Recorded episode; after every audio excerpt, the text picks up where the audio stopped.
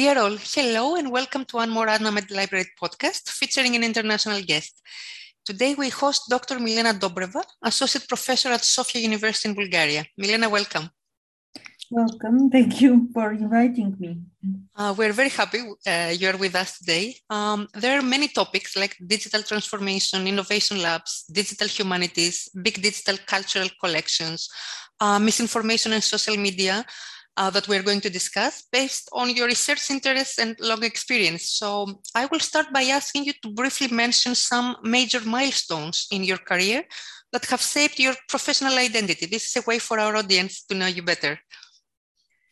Well, the interesting thing is that it didn't start with my professional career. It started back in time from my school years. Okay. Uh, I was studying in a classical grammar school and it was the time when personal computers started appearing. I'm not telling my age, but it was um, the beginning of the 80s. And uh, uh, I, I was really curious about how we can use computers in the humanities since that time. So after the classical grammar school, I did a very unexpected move and I studied uh, informatics, which is uh, in the mathematics faculty. Yes. It's not a strict computer science, but uh, since then I worked um, to bring uh, the topic of digitization and the practice of digitization into Bulgarian institutions and did uh, research around lots of topics which basically come to the same focus how people uh, can use digital materials for something which helps them to go ahead. I see. I, I understand you're the best example to show that um, in libraries, uh, not only librarians are necessary, but there's so many other disciplines, so many other expertise that can be combined in order to achieve better results. Um, so my second question uh, uh, goes very well with what was, you said. It is very clear that we're very far from the traditional library of the past, especially when it comes to academic and research libraries. So what infuses innovation in libraries? And is it something the information world needs? I, I understand it does, uh, but um, uh, I would like your uh, opinion. Is it a passing by trend or is it here to stay? Well, there, um, I believe there are many drivers for the changes which the libraries are actually implementing on a daily basis, I mm-hmm. would say. Uh, one driver, of course, is the desire of those people who work in libraries or library professionals to do the things they do better. Mm-hmm. And uh, they looked at uh, technologies uh, initially as a great tool to organize their own materials. So when they started applying uh, systems to organize the catalog data back in time. Uh, Correct. That's an example. But now we have the users of the libraries. Uh, the term users comes from the digital uh, domain. Uh, we can speak about patrons uh, and uh, visitors and so on. Um, so all the people who come to the library, either the traditional library or the digital library, they have their expectations, which are based on the different technology gadgets they're using. Mm-hmm. If I'm used to do things on my mobile phone, when I go to the library, I will still expect to use my phone. Correct. And then the question is how. Uh, in a way, we feel that uh, our content is too big. Our formats are also big to be squeezed into the small screen of a mobile phone. But nevertheless, the library started doing uh, mobile uh, services for for the users who want to use their yes. For sure. it's, it's a very interesting, it's like a dance because some ideas come from the librarians who are following what's happening in the technological world. Other ideas come from those people who want to use the library and they come and say, I need something, I want to use it on this device, or I, I want to do something in this digital environment, mm-hmm. how, how mm-hmm. I can do this. It's like uh, what they say, it takes two to tango, right? Yes. Uh, so this is how it moves smoothly. Um, more and more we see examples of libraries creating their own innovation labs. So what makes a good innovation lab, in your opinion? Well, uh, that's that's a very interesting question because when you hear the the title of something being called innovation lab, uh, obviously in a library uh, if you don't speak about the conservation department where you could find all sorts of chemicals and also strange mm-hmm. equipment, we, we, we don't uh, work in this uh, environment where you mix few things in a uh, in a special uh, dish and then you get something uh, new out. Um, it's it's not this type of uh, innovation. The innovation here um, is this intersection of what interesting new things users want to do with library material, and here we speak strictly about digital material in this mm-hmm. in this case because with the digital material it's easy to experiment. You can transform it in different ways. Uh, obviously, you wouldn't take the manuscripts out of your collection and cut them into pieces, but if you take a digital a, a, a digital um, a good representation of uh, the manuscript, you can cut it into words or mm-hmm. letters or into pictures or whatever you are interested in. So um, um, I, I, think that this is uh, really exciting because uh, it goes beyond what we imagine people want to do with the material which is stored in the libraries um, the imagination of different types of people is really uh, endless. And um, the example of cutting was probably um, stupid on from uh, one point of view. But if you are an artist and you want to uh, to illustrate a point, you might want to do something. Yeah, like very well said. Yes, you're uh, right. so um, the innovation labs basically are this transmission between what the library offers as digital content and the different ideas which people might have when they come and want to use this digital content. Yeah, I also believe it is a, a, matter of collaboration. People with different ideas, they bring their ideas, their expertise, their uh, uh, innovations, and they produce something uh, at the end. Um, so galleries, libraries, archives, and museums are all uh, institutions with a mission to provide access to knowledge. And GLAM is the acronym used for uh, all of this, which I think it suits them perfectly.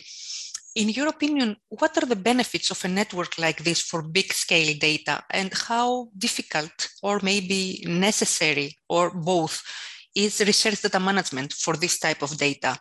Mm, okay, that's a, question with lots of different aspects. I will start with uh, the benefit of uh, accumulating uh, digital content in big mm-hmm. Uh, first of all, when you have a network and you have institutions which collaborate, you can create in the virtual space uh, new uh, forms which don't exist in the physical space. For example, if you want to put all historical Greek manuscripts in mm-hmm. one place physically, we cannot extract all the manuscripts from all the libraries which have them. This is not uh, going to happen. But um, it, it can happen in the virtual world if those mm-hmm. institutions which uh, which have the Greek manuscripts are happy to collaborate. I, I don't say that it happened, but there is, there is a possibility. Similarly, if you speak about uh, art galleries, for example, you you wouldn't find all the paintings of El Greco, even when they're great exhibitions, they would have few of the works of uh, someone who is featured in the exhibition. Mm-hmm. It's very difficult to uh, collect everything uh, and put it in one physical space. Again, in the di- digital space, we, we don't have this restriction. It's a matter of uh, the goodwill of institutions to come together and to work on such uh, initiatives, I would say. Mm-hmm. Similarly, you can uh, mix the books about El Greco and his works, or uh, music which was inspired, uh, or something he loved listening to when he was working. So uh, here you go beyond the boundaries of a particular sector and uh, we go to what actually cu- culture is about. Mm-hmm. This was one one of the uh, aspects. The other aspect you mentioned is research data management. So um, so far I gave examples with digital objects, mm-hmm. but uh, we live in times when we start uh, towards uh, a shift to actually start uh, start creating data sets. Uh, which means that uh, we start describing our objects and we can run different queries. And the beauty of this is that we, we can shift from research which is done on few objects or few dozens or hundreds of objects because our human um, abilities are not uh, so big we cannot analyze too too many objects uh, even in our lifetime. We know that we cannot le- uh, read all the books which were published before we were born. Uh, there are so many. So we have to be very selective. And uh, here I think there is a bright future, future for the technology because we will have its support. And uh, there is uh, plenty of interesting work which is uh, ongoing in the area of artificial intelligence. That's uh, probably uh, something which we will discuss more and more frequently. In few days, uh, Europeana, the big European digital library, will have its annual event. And, oh, very nice we will have a session about artificial intelligence in archives in particular. so uh, what uh, what happens is that uh, we realize that there is so much content we cannot really uh, take it in and uh, appreciate it and analyze it as humans. And here we can have a little bit of help from the technology if it works. Correct. Well. Mm-hmm. It, it, all comes to technology, it seems uh, uh, with all this uh, progress in technological advancements, it, it, would be a pity not to, to benefit from it. Um, well, I agree. And, at this point, since we're talking about GLAM organizations, I would like to mention that Koç University libraries uh, host important archival collections. And as a matter of fact, last year they were among the finals for 2021 GLAM Awards. Um, mm-hmm. Yes, yes. Nice uh, and we were uh, very happy uh, to be among other uh, important institutions. Since we're discussing uh, about cultural collections, what do we consider uh, innovation? I think you already covered this, but maybe you can say something a bit more specific. What do we consider innovation in big digital cultural collections? Are there any examples you would like to share? So first of all, I, I would like to say that innovation can be seen uh, with different looking glasses, I would say. Okay. That innovation, which is an innovation for the sector, something which no one did before and uh, uh, is now experimenting with. Probably this is the work we hope to see uh, in the next projects which uh, the European Commission will uh, support under its heritage call, which deals with new tools and methods mm-hmm. to work with digital content.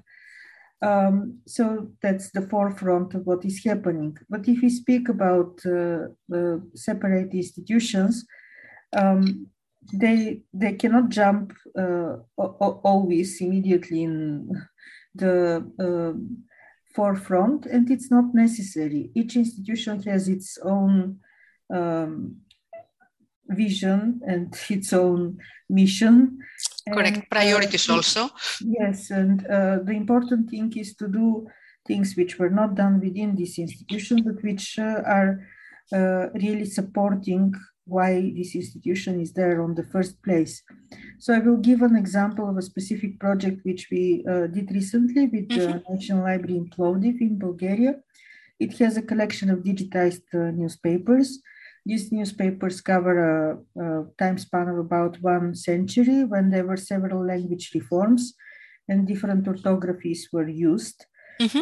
And uh, this means that if I want to search uh, for a specific word in this newspaper collection, I need to know what were the historical spellings, which normally people who are not linguists wouldn't uh, really know. Know or understand, yes. Yes, so uh, with two students from Sofia University, um, we have a master's program on uh, text uh, mining. Mining. Mm-hmm. Uh, so this is uh, something which is led by Professor Ivan Koichev. With uh, two students, um, we actually managed to develop a tool which allows to search in this collection um, you search in modern Bulgarian, but the tool is good enough to to uh, of historical forms. Mm-hmm. So um, somebody would say there is nothing uh, special about this, uh, but actually for the institution which hosts the collection, this uh, is helpful. It was never done before. we combine different methods from uh, the area of text mining, um, how you build search engines, mm-hmm. also natural language processing. And this is just one example of uh, something which is helpful and moves the state of the things in this particular institution forward. This is great. Imagine how valuable this will be for researchers, for example. Uh, the ability to search in these newspapers uh, for a specific topic, having all these possibilities. Yes, and this is why actually the European Commission also uh, supported a big project called NewsEye, which focused on uh, more intelligent ways to organize the mm-hmm. content from newspapers, because also as an object they're very uh, complicated. We have multiple little articles, images, so they need to be connected yes. and so on. So there is a lot to do in this domain. Um, and uh, yes, I'm happy nice. that this work goes forward. Nice, very interesting to see different uh, different examples in different places of the world. Um, you recently participated in the 27th annual conference of Greek academic libraries uh, with a presentation addressing the future of big data in GLAM organizations. So does it look glamorous enough? What uh, um, should we expect? Um, I um, really hope that it will be glamorous. And I think that uh, in a way, we don't have uh, any other option because if our aim is to uh, support the patrons of the library, we need to provide better services. And as I said, they will come and bombard us with requests sooner or later. Yes, yes. We will need to move in this direction. So it's a matter of um, time. It's, um, I'm very optimistic, by the way. Um, I believe uh, there is a bit of glam uh, in there. Uh, the, the important thing is for everyone to um, to be motivated to work towards a better um, uh, situation, a better future uh, in, in, this extent. Um, you're also involved in this uh, recent publication called Open a Glam Lab. Yes. So, uh, what makes it a good read? First of all, it's a unique book, uh, mm-hmm. and I don't think that anyone else produced such a book which would look at the different aspects what these labs are doing, the innovation labs in uh, the galleries, libraries, archives, and museums. Um, I think it's um, interesting because it captures the experience and the voices also of uh, a group of experts from all over the world, mm-hmm. uh, from, from those places which were, I would say, pioneers in this domain. Um, and uh, here I should say that maybe now about half of those authors which were uh, collaborating, the book was uh, written uh, over one week in a wow. okay. called uh, book sprint. So you mm-hmm. bring mm-hmm. um, all these people together in one place, and then they they work uh, all the week to write it together, which is uh, a very interesting experience by itself. But if you look now at uh, those people who wrote it, um, about half of them moved uh, forward in their lives, and um, I'm really happy that we captured their experience. Uh, this also shows you that the people who do this type of work themselves are very brave and they take challenges and they uh, follow new opportunities. So they are not uh, stuck there for uh, a lifetime, uh, which is interesting itself. It is, and uh, so very, um, how should I say, essential for one's um, uh, progress, right? Um, this is a point, I think. This is my personal uh, opinion to progress, to uh, be involved in different things. Um, my next question, um, I, for my next question, I will use a, a word you mentioned before this intersection uh, of technology with a certain discipline. So we have seen the intersection of digital technologies and the uh, disciplines of the humanities, which has led to the so-called digital humanities and has opened a whole new area of possibilities. Uh, these uh, sophisticated ways of handling data uh, in, uh, in digitized culture um, has the ability to undertake research in these disciplines that in the previous years it was not um, very possible or very efficient. Since you have been involved in many related projects, could you share your insight? Um, what can we expect from digital humanities or what are the benefits or what is the situation now?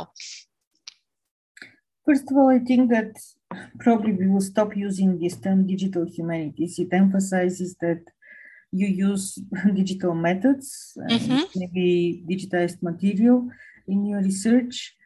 Uh, I think it's a matter of, of, method. I don't know if we need to emphasize how exactly um, we, we are doing our research. What is important uh, when we do research is what is our research question, and then we able to provide an answer. Um, recently, with this uh, uh, increasing number of uh, data sets and digital material in general, I see a very interesting shift. So, in our traditional paradigm, how you do research, uh, you first had to formulate a research question, and then you were thinking how you're going to get the data, mm-hmm. what methods you're going to use to collect data, to analyze them, to present them, to visualize, and so on. Now we, we see something which flips the whole process. And some people say, give me a data set. Let me look at this data and find something interesting. And if I find something interesting, I, I'll think how I can explain this. Mm. I, I think that this is uh, this is really um, probably unexpected as a development, but it happens, and probably we will see more and more of it I don't see, say that uh, this is a better way to do research or a worse way. It's just another way. And uh, I, I think this is one of the examples how um, this digital domain changes uh, the way we do things, which is quite interesting. I really like this perspective. Very interesting. Um, this shift uh, you mentioned is uh, th- that flips things it's always um, what intrigues the interest of researchers of uh, professionals uh, i really like your approach um, i have seen you're active in social media and so do i so my next question is related to social media platforms and the vast amount of information uh, shared with this plethora of information channels around, there is a rapid spread of misinformation and it is sometimes very difficult to verify the authenticity of the source, or maybe we tend to overlook it for the sake of fast response or because we want to share the information. Um, social media share uh, and bear their own uh, responsibility in this situation, being an almost unavoidable part of our lives uh, nowadays.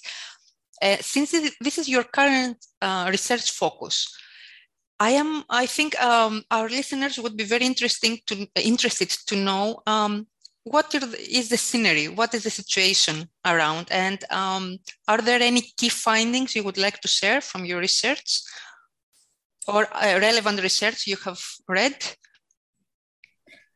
The, the work in this uh, domain is uh, ongoing, it's growing uh, at scale because we realize that uh, we have this especially with the pandemic, the COVID pandemic, we realize that we also have a pandemic of uh, disinformation. Mm-hmm. Um, there is uh, the Poynter Institute in the US, which collects uh, facts which were checked by agency, which agencies which do fact checking. And I, I think it's very impressive when one looks at how many facts were checked about COVID in the two years it goes around the globe. Um, um, think of a number before I say the number. I mean, this is for everyone who listens to this podcast. How many facts you you think an aggregator of checked facts would have on COVID? There are over seventy thousand. It's very very impressive how many uh, pieces of information might be created and how they jump around the globe. Obviously, there is a repetitiveness because these fact checks come from different countries. And one of the interesting um, uh, facts in this domain is that uh, when you have uh, false information of some kind, it seems to uh, be quite sticky and people spread it very quickly. So uh, that's uh, um, now we uh, are reminded of this thought of uh, um, which has different attributions. One mm-hmm. of them mm-hmm. is Mark Twain, but you will find that about a dozen people uh, are supposed to have said that uh, while the truth is still putting on its shoes, the life already went around the globe. Um, I mean, you, you find this in different modifications mm-hmm. and different uh, authors' uh, attributions. So, um, in this uh, base of facts which are checked, uh, there is a certain amount of repetitiveness, but it's it's impressive how many false statements are uh, identified in different countries around the world. So um, I think here, uh, obviously, the social media give a very quick uh, platform to share. And also because we trust, if I see something which you posted, I, I, I would say, okay, this is Vasya. I trust her, so I, I take it for granted. Mm-hmm. Um, in, in, fact, we uh, shouldn't lose our ability to analyze the information and the, the critical Correct. thinking, which is uh, very important these mm-hmm. days. It's something which we need to uh, help the young generation to develop. Those countries which are successful in the domain of uh, media literacy, there is a media literacy index. Um, and uh, we have several countries in the north of Europe which have better uh, performance there uh, all these countries work with children from a young age to help them uh, analyze what they read and mm-hmm. think if they want to share something. So um, there was also an interesting piece of research that uh, many people haven't read what they share completely. So they start reading it, it seems interesting, and they just share, um, which means that uh, we need to do more to understand these human habits, how people communicate in the mm-hmm, mm-hmm. social media world, and uh, support, I would say, healthier uh, habits. Yes, you're so right. And here I would like to note that uh, um, there is a clear distinction between misinformation and disinformation because misinformation is not deliberately intended to, to deceive people. It has a, a, a totally different uh, uh, character and um, how should I say it, it, differs totally from disinformation, which is uh, deliberate. Um, I think you covered partially my next question because I was going to ask you uh, about um, media literacy, one of the very important literacy competencies someone should have these days. And you just mentioned about uh, very young children um, uh, and how um, they are taught or they should be taught how to distinguish um, uh, the authentic uh, or the reliable source uh, from others. So, how can libraries contribute to this fight against ignorance and um, help people avoid misinformation and limit fake news? Is there a, a solid advice you would give, or? Um... Libraries uh, have uh, always, I think, an important role to play because they they help to uh, create better um, skills, information mm-hmm. skills, and uh, media and information literacy are one bigger domain. Uh, obviously, uh, librarians are approached uh, by people who have questions. We have all the reference activities, mm-hmm. and that's one channel when they work with people let's say on one-to-one basis.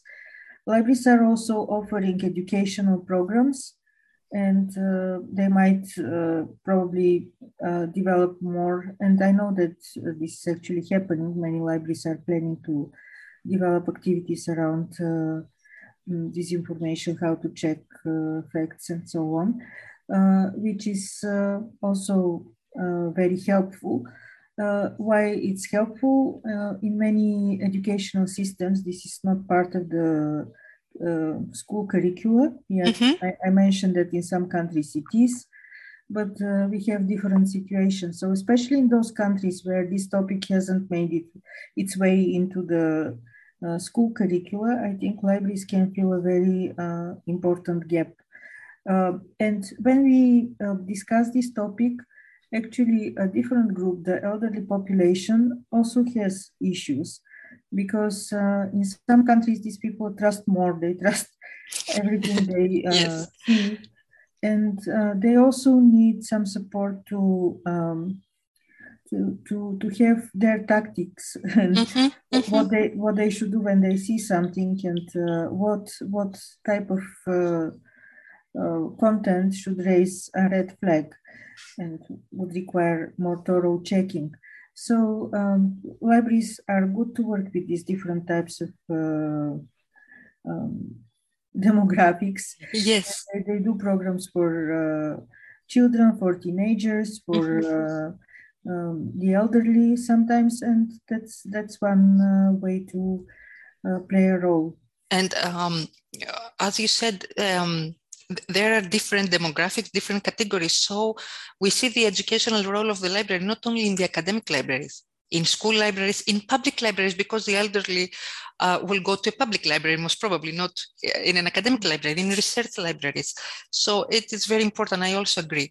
Um, and since we we are talking about the educational role of the library, um, you also have a teaching experience, an educational uh, role in your um, in your career as you have actively, actively participated in library information uh, science programs in different countries.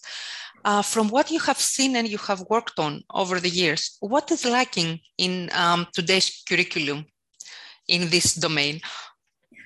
Um, the difficulty when you design a university program is that this is a program which takes a lot of time. And uh, actually, there are changes in the profession which require uh, quicker movement, I would say. Mm-hmm. So uh, our programs always uh, offer new topics with a delay, I would say, unless uh, a program is flexible enough to have a, an, um, a module where we can throw very new content. Um, so uh, what I have seen around the world is that some programs are very, I would say, fossilized. They look at the uh, useful knowledge about the organization of libraries from the past. Mm-hmm. Um, and this is good to prepare people who will work in institutions which stayed at this stage. Other programs uh, are uh, normally these are the programs which reside in computer science uh, schools um, are very technological and they actually don't give the basis of this library thinking because there is a philosophy behind um, the, the thinking of a librarian how to describe the objects in a library collection. And that's not something which you uh, necessarily would get if you only know how to describe digital objects. So um, I, I, see that there is a lot of difference in the approaches. Uh, basically, the library programs suffer from uh, a bit of an unclear identity we are very proud to say that we provide skills which are uh, very uh, needed, very modern, and so on. Uh, but uh, but in a way, we can have many different uh, faces. We can be more old-fashioned. We could be more uh, digital without having a very very strong footing into the traditions of the librarianship. So. Um, I, I think we need to work more on what is really our identity. And um, the other thing is to somehow try to bring the past and the future together. So, uh, for sure, that was a very intriguing discussion, not only for librarians, but also for uh, professionals in all GLAM institutions. So many things we discussed and so many more I would like to ask you, but this would turn into a very long podcast. Um, so I keep your broad perspective on the topics mentioned. Um, I keep uh, your comments about the necessity of uh, incorporating um, technology into traditional um, uh, methods or well-known paths um, to achieve better, uh, to have more effective services and um, interesting projects. Thank you for accepting our invitation and thank you for sharing very generously your experience and ideas. Uh, it was a pleasure having you with us. Thank you, Vasya. Thank you for having me. And I wish everyone to have the resilience to uh, keep going. Um, it's exciting. We live in interesting times. There is uh, plenty of change of all kinds. Um, and uh, I think that those people who have the attitude that they're uh, uh, lifelong learners are, mm-hmm. are doing the best. If one thinks that you get out of university with a set of skills and you are prepared for all your professional life, this definitely is not the, the case. So it's it's a journey for everyone, I think. It, sure is. Thank you very much. And thank you all for listening. Until the next podcast, stay tuned.